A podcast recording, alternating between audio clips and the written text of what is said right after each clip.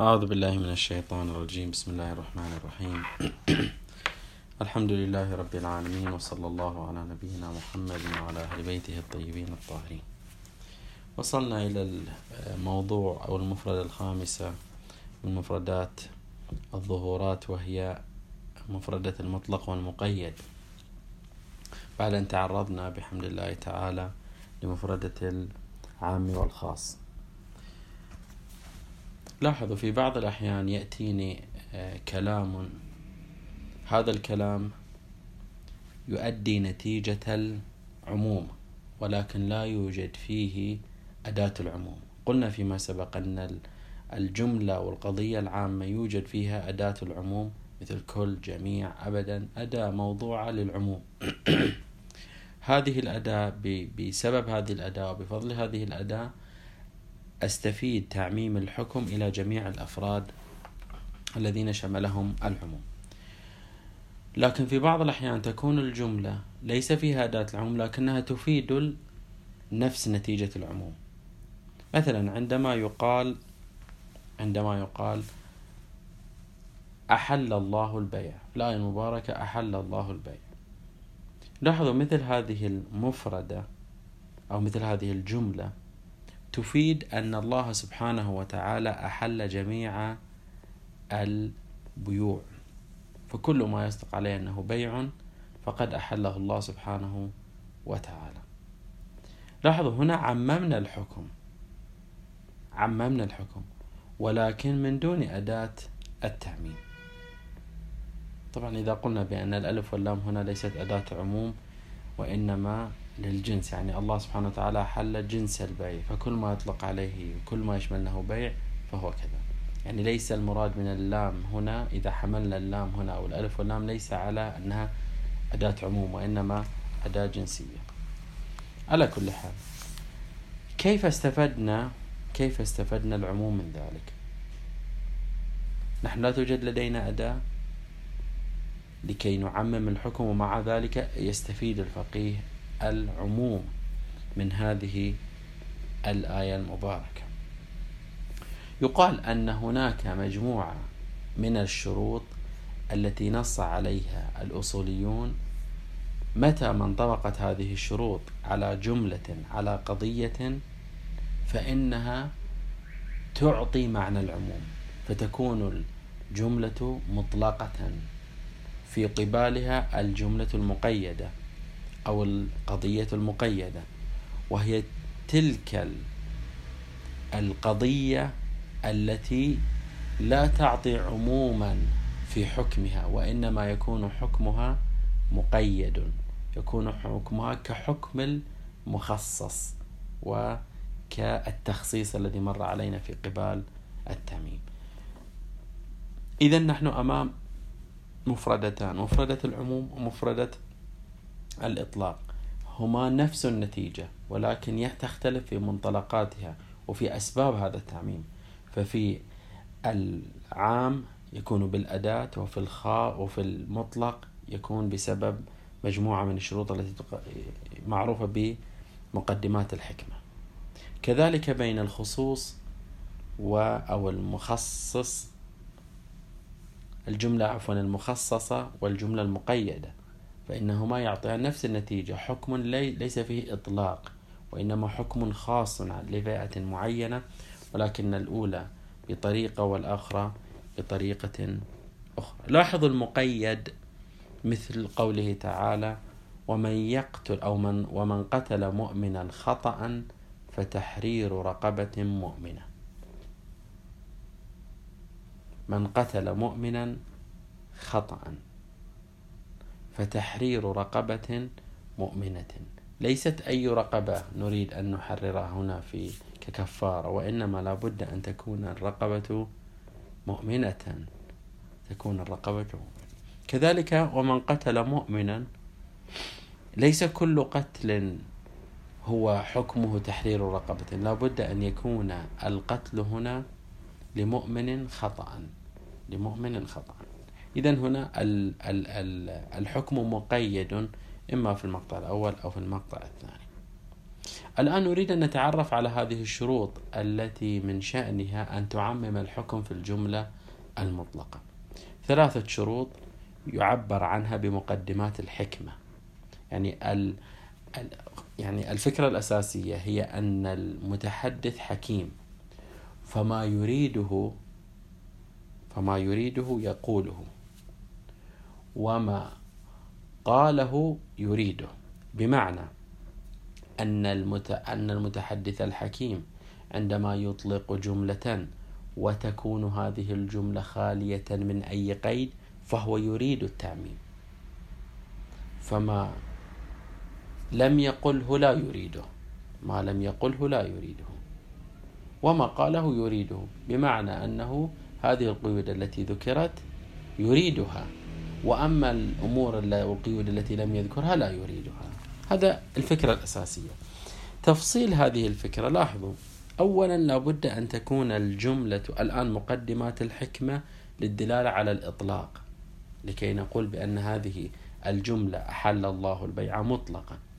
أولا أن تكون هذه القضية يمكن فيها الإطلاق والتقييد.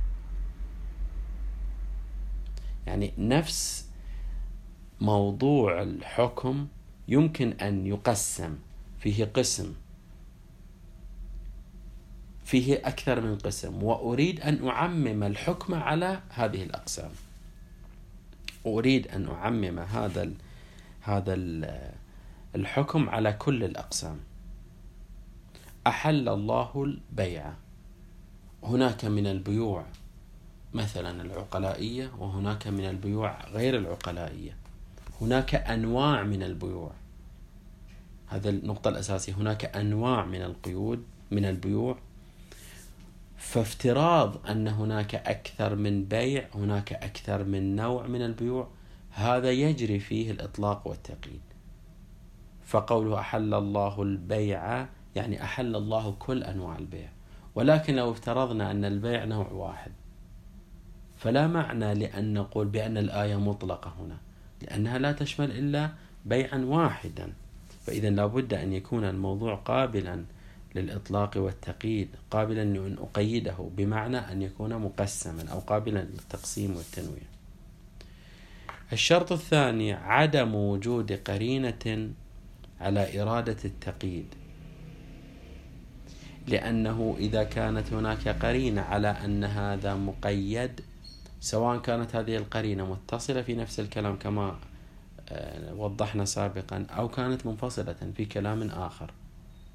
لأنه بمجرد وجود القرينة هنا لا أستطيع أن أعمل بهذا الإطلاق بل لا يكون الكلام مطلقا وإنما يكون الكلام مقيدا من الأساس. وأحل الله البيع. لو كنت أحتمل بأن هناك أن هناك تقييد لهذه هذا الإطلاق فلا أستطيع أن أعمل كل أن أن أعمل هذه هذه الآية المباركة بإطلاقها في كل بيع وإنما لا بد من ملاحظة المقيد. هل هذا المقيد يدخل تحت هذا البيع الذي أريد أن آه، أجري الإطلاق فيه أو لا؟ يعني مثلا البيع بال بالإلكتروني هذا البيع الآن بواسطة الإنترنت؟ أستطيع أن أستدل به وأقول أحل الله البيع. هذا بيع ويشمله إطلاق الآية. ولكن قبل ذلك لابد أن أت... لابد أن أبحث. هل هناك بيع منهي عنه؟ وأنا أعلم أن هناك بيع منهي منهي عنه. هل هناك بيع منهي عنه؟ يدخل بيع البيع الإلكتروني ضمنه أو أحد مصادقه حتى لا أطلق أجري الإطلاق على هذا النوع من البيع أو لا. إذا عدم وجود قرينة على التقييد سواء كانت هذه القرينة متصلة أو منفصلة النقطة الثالثة وهي النقطة المهمة جدا وهو أن يكون الشارع في مقام بيان الحكم من كل جهاته. يعني الشارع عندما يطلق لي كلاما أو تأتيني آية مباركة أو رواية لابد أن أتأكد من أن هذه الآية المباركة وهذا الكلام التشريع القانوني جاء في معرض بيان تمام الحكم من كل جهاته بشروطه وتفصيلاته وأركانه. لأن الشريعة في بعض الأحيان تريد أن تبين تريد أن تبين أصل التشريع لا تريد أن تبين الحكم من كل جهاته بشروطه وأركانه. خل أعطي مثال. هناك بحث في عند الفقهاء في آية الوضوء. بسم الله الرحمن الرحيم. يا أيها الذين آمنوا إذا قمتم إلى الصلاة فاغسلوا وجوهكم وأيديكم إلى المرافق وامسحوا برؤوسكم وأرجلكم إلى الكعبين. هذه الآية إن قلنا بأن الشارع المقدس كان في صدد بيان كيفية الوضوء من كل الاتجاهات ومن كل الحيثيات هنا أمكن التمسك بإطلاقها. كيف نتمسك بإطلاقها؟ يا أيها الذين آمنوا إذا قمتم إلى الصلاة فاغسلوا وجوهكم وأيديكم إلى المرافق. أيديكم إلى المرافق. فتتحدث الآية من ال... من أطراف الأصابع إلى المرفق. فيمكن هنا للفقيه على مستوى الاحتمال أنا أقول يمكن هنا للفقيه أن يقول أن يقول أطبق الإطلاق على هذه الآية فأقول يجوز المسح بالعكس لا من الأعلى إلى الأسفل وإنما من الأسفل يعني من الأصابع إلى المرفق. لأن الآية كانت في صدد بيان كيفية الوضوء. وفيها إطلاق. المشرع جاء يبين لي كيفية الوضوء من خلال هذه الآية المباركة. يا أيها الذين آمنوا إذا قمتم إلى الصلاة فاغسلوا وجوهكم وأيديكم إلى المرافق. فيجوز أن أبدأ بالأصابع وأنتهي بالمرفق يعني جواز النكس في الوضوء. تمسكا بإطلاق الآية. بحيث أن الآية لم تقيد ولم تقل لي ابدأ من المرفق إلى الأصابع فأتمسك بإطلاقها وهو البدء جواز البدء من أطراف الأصابع إلى المرفق. هذا إذا قلنا الآية في هذا الصدد. أما إذا قلنا لا الآية أساسا جاي تتحدث عن أصل تشريع الوضوء. يعني هناك هناك شيء في الشريعة اسمه الوضوء وهذا الوضوء غسلتان ومسحتان. الآن نقرأ الآية من جديد. بهذه الذهنية ذهنية أصل التشريع. يا أيها الذين آمنوا إذا قمتم إلى الصلاة فاغسلوا وجوهكم وأيديكم إلى المرافق. يعني تريد أن تقول لك الوجه اغسله اغسل الوجه. اغسل أصل الوجه. واغسل ال ال ال اليدين. لكن إلى أين يقول؟ يقول لك مقدار هذا اليد يعني إلى المرفق. لكن لا تريد أن تتحدث عن كيفية الغسل. لا تريد لا تريد أن تتحدث عن كيفية الغسل. إذا هنا لا يمكن أن نطبق قاعدة الإطلاق وأقول أن هنا كلام آه، مطلق والآية فيها إطلاق فأتمسك بهذا الإطلاق في جواز النكس. لاحظوا كيف نقرأ الآية من خلال المنطلق الذي ينطلق منه الفقيه والنظرة التي ينظر فيها الفقيه. إذا لابد أن يحرز الفقيه أنه في حال أن المشرع كان في حال بيان والتكلم عن العمل من كل حيثياته. أو كما عبر الشيخ أن يكون الشارع المقدس حينما تكلم بالمطلق في مقام بيان الحكم للعمل به فعلا. يعني بيان الحكم من كل حيثياته شروطه وأركانه. لا في مقام أصل تشريعه حيث يحتمل أن هناك ما يقيد المطلق. وقد أخر الشارع بيانه للمكلفين حتى حين وقت يحين وقت أو وقت العمل به. إذا لاحظوا كيف أنه الفقيه لابد أن يلتفت إلى هذه النقطة لابد أن يقرر هل الشارع في هذه الآية كان في مقام بيان كل حيثيات العمل أو كان في مقام التشريع. طبعا هذا آه، لها ثمرة كبيرة جدا يعني تختلف فيها الأحكام لأنه الفقيه لا يستطيع أن يتمسك آه، بالإطلاق على كل حال. إذا لاحظوا أن هذه الجملة وهذه القضاء أو القضية المطلقة نستطيع أن نعمم الحكم فيها إلى كل أطرافها وكل مصادقها ببركة هذه الشروط الثلاثة وهي شروط مقدمات الحكمة. إمكان الإطلاق والتقييد عدم وجود قرينة صارفة إلى التقييد عن الإطلاق أن يكون الشارع في مقام البيان من آه، الحكم من كل حيثياته لا في مقام آه، الجعل جعل الحكم أو بيان أصل التشريع. الآن الفقيه كيف يستفيد الحكم؟ لديه رواية آه، لنطبق هذا الكلام على هذه الآية. وحل وأحل الله البيع. لا بد من الف... للفقيه أولا أن يتأكد أن آه، هذه الجملة فيها إطلاق. هذه الجملة فيها إطلاق. يعني يمكن أن تقيد. في هناك أنواع تحتها ويمكن أن تقيد.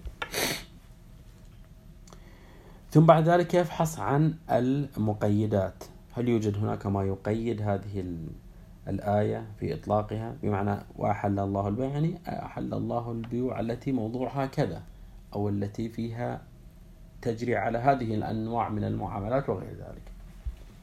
إذا تأكد من عدم عدم وجود المقيدات فإنه يبدأ بتطبيق قاعدة الظهور. ويقول هذه الآية مطلقة. في أنها شاملة لكل أنواع البيع والإطلاق آه، أن هذه الآية ظاهرة في الإطلاق وأن الإطلاق حجة فتكون هذه الآية حجة في إطلاقها. فكل بيع يأتي ويواجه الفقيه فيقول أدرجه تحت هذه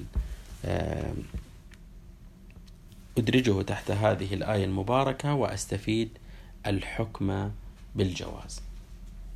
وهذا ما يقوم به كثير من الفقهاء يعني يدرج كثير من البيوع تحت هذه الآية وتلك البيوع التي نهي عنها النهي عنها يخرجها من آه، الحلية.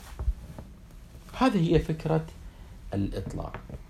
التقييد لو جاء في المرحلة الثانية واجه رواية تقيد هذا الإطلاق. فيقوم بتطبيق قاعدة الظهور على على المقيد. لأنه ماذا؟ تكون هكذا القضية يعني تكون القضية أمام الفقيه هكذا. هناك ظهور في الإطلاق وهو بسبب الجملة المطلقة. وهناك أظهرية للتقييد.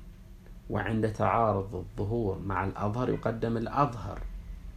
فالمقيد أظهر من المطلق فيقدم لأظهريته كما قلنا بالضبط في العام والخاص. فنقيد ذلك الإطلاق. ما معنى نقيد ذلك الإطلاق؟ يعني ما ذكر كمصداق البيوع التي قال لا تبيع بيع الربا. فلا ندخله ضمن القاعدة. فلا إذا جاءتني معاملة ربوية فلا أقول أقول الآية مطلقة تشمل كل الأنواع وهذا بيع البيع الربوي بيع فيجوز البيع الربوي. لا لا يجوز لأن هذا داخل ضمن المقيد. داخل ضمن المقيد. فلا أستطيع أن أجري هنا آه الإطلاق. أتمنى أن تكون فكرة هنا واضحة إلى هنا نكون قد انتهينا من المفردات الخمس التي آه تحدثنا عنها في ما سبق. وقلنا بأن هناك خمسة مفردات تندرج تحت آه، درا في تحت دراسة الظاهر أو الظهورات. الأوامر النواهي المفاهيم العام والخاص والمطلق والمقيد. هذه مفردات خمس تناولناها. قلنا الأوامر متى تكون ظاهرة وتكون حجة. النواهي كذلك. المفاهيم فصلنا في المفاهيم ذكرنا ثلاثة مفاهيم. متى يحتج بها؟ والعام والخاص والمطلق والمقيد. بهذا نكون قد تناولنا قلنا حتى نرجع إلى أصل البحث. قلنا أن هناك في دلالة المتن إما أن تكون دلالة نصية نص في المعنى أو يكون ظاهر في المعنى. ظاهر في المعنى لا يخلو أن يكون واحدة من هذه الأمور الخمسة. وأما بقية الأمور. مثلا نحتمل أن يراد من النص نحتمل أن يراد من النص هذا المعنى. فما يكون قباله يكون مرجحا عليه. الاحتمال احتمال الدلالة ووهم الدلالة ليس حجة وإنما فقط مظنون أو الظن بالدلالة وهو المعبر عنه بالظاهر. كملحق لهذا البحث ذكر الشيخ بشكل مختصر مسألة الأصول اللفظية. هناك مجموعة من الأصول فيما لو شك المكلف. بعض الأحيان عفوا الفقيه. بعض الأحيان الفقيه تأتيه الروايات وتأتيه الآيات. ويشك هل هذه حقيقة في المعنى أو المجاز؟ يعني هل المتحدث والمتكلم استعمل معنى حقيقيا أو معنى مجازيا؟ ولا يوجد ما يرجح له الحقيقة عن المجاز. أو أن هذه الآية عامة أو خاصة. هل هذه هذا هذه الرواية مطلقة أو مقيدة؟ هناك أصول تعبر عنها بالأصول اللفظية فيما يجريها المكلف عفوا يجريها الفقيه يجريها الفقيه فيما لو واجه شكا في ترجيح أحد الاحتمالين. إذا هي مجموعة من القواعد وضعت من أجل إثبات مقصود المتكلم عند الشك به. يشك نشك في هذا المكلف. ماذا كان يقصد؟ يقصد الحقيقة أو المجاز؟ يقصد الإطلاق أو التقييد؟ يقصد العام أو الخاص؟ فإذا هنا نطبقها بها. مثلا جاء المكلف كما أثبت الشيخ هذه هذا المثال في الكتاب جاء قال رأيت أسدا. هل أراد المتكلم أن بتعبيره أسد حقيقة المعنى الحقيقي والمعنى المجازي. هل بمعنى أنه رأى فعلا أسد هذا الحيوان المفترس أو أنه رأى رجلا شجاعا فأراد أن يشبهه بالأسد فقال رأيت أسدا؟ إذا هذا الكلمة تحتمل تحتمل الحقيقية وتحتمل المجازية. إذا كانت هناك قرينة قال رأيت أسدا في السوق فإن هذه في السوق قرينة على أن المراد منها المعنى المجازي ولكن لو لم يعقل قرينة. فهنا نجري أصالة الحقيقة. نجري أصالة الحقيقة وهي الجارية في المقام. إذا عند الشك لاحظوا رجحنا الحقيقة. أيضا كذلك في العام والخاص وكذلك في المطلق والمقيد. هذه الأصول الثلاثة. كلها راجعة لأصالة الظهور. يعني هي في الواقع تطبيقات لأصالة الظهور. كيف؟ عندما يشك الفقيه في أن المراد والمقصود المتكلم هل هو المعنى الحقيقي أو المعنى المجازي؟ ظاهر حاله وبتعبير آخر الأصل في الكلام أن يكون محمولا على الحقيقة. الأصل في الكلام أن يكون محمولا على لو استعمل أداة العموم أن يكون محمولا على العموم. الأصل في الكلام إذا طبقت أو توفرت الشروط في الكلام أن يكون محمولا على الإطلاق؟ فيكون الإطلاق أظهر من التقييد والعام أظهر من التخصيص والحقيقة أظهر من المجاز. هذه فكرة الأصول اللفظية. طبعا هناك بحث تفصيلي عندهم. هل هناك أصلا أصول لفظية؟ وهل هذه الأصول اللفظية فعلا هي أصول أو ليست أصول؟ قسم المشهور من الأصول يقول أنها أصول هناك تيار واتجاه في الأصول يقول هذه في الواقع ليست أصول آه، يمكن تطبيقها في على كل حال. الأصل الأول أصالة الحقيقة. قال أقرأ من الكتاب قال وتستعمل فيما إذا شك أو شك في أن المتكلم كان قاصدا بكلامه المعنى الحقيقي أو المعنى المجازي. دار الأمر بين هذين المعنيين. ولم يكن الكلام ظاهرا في المعنى المجازي. إذا كان ظاهرا في المعنى المجازي فيكون إما هناك ظهوران أو يكون أحدهما أظهر من الآخر. فتنهي هذه الأصالة إلى حمل الكلام على المعنى الحقيقي. والسبب في ذلك لأن اللفظ مع احتمال المجاز يكون ظاهرا في الحقيقة. نحن نحتمل المجازية. ما دم نحتمل المجازية فالحقيقة هي الظاهرة فيقدم الظاهر على المحتمل. فالظاهر مقدم على الاحتمال. الثانية أصالة العموم وتستعمل فيما إذا جاء لفظ عام. أكرم كل العلماء. وشك في أن المتكلم كان قاصدا العموم منه أو الخصوص. يعني هل هو مخصص أو ليس مخصصا. ولم يكن الكلام ظاهرا في التخصيص. بمعنى لم تكن هناك قرينة. لم أجد قرينة لكنني أشك في وجود القرينة. فتنهي هذه الأصالة إلى حمل الكلام على العموم. لنفس السبب لأن اللفظ مع احتمال التخصيص احتمال نركز على مسألة الاحتمال يكون ظاهرا في العموم. الأصالة الثالثة وتستعمل فيما إذا جاء لفظ مطلق أحل الله البيع. وشك في أن المتكلم كان قاصدا المطلق منه أو المقيد بمعنى أنه هل عقد هل قيد هذا المطلق أو لم يقيده. بحيث بحيث أنني لم أجد قرينة أو لم أجد تقييدا لكنني أشك لأنه مثل هذه الموارد عادة تكون مقيدة. ولم يكن الكلام ظاهرا في التقييد فتنهي إلى احتمال آه، حمل الكلام على الإطلاق لأن اللفظ مع احتمال التقييد يكون ظاهرا آه، في الإطلاق. نفس السبب. هذا إجمال الكلام حول هذه الأصول اللفظية والتي عادة تطبق.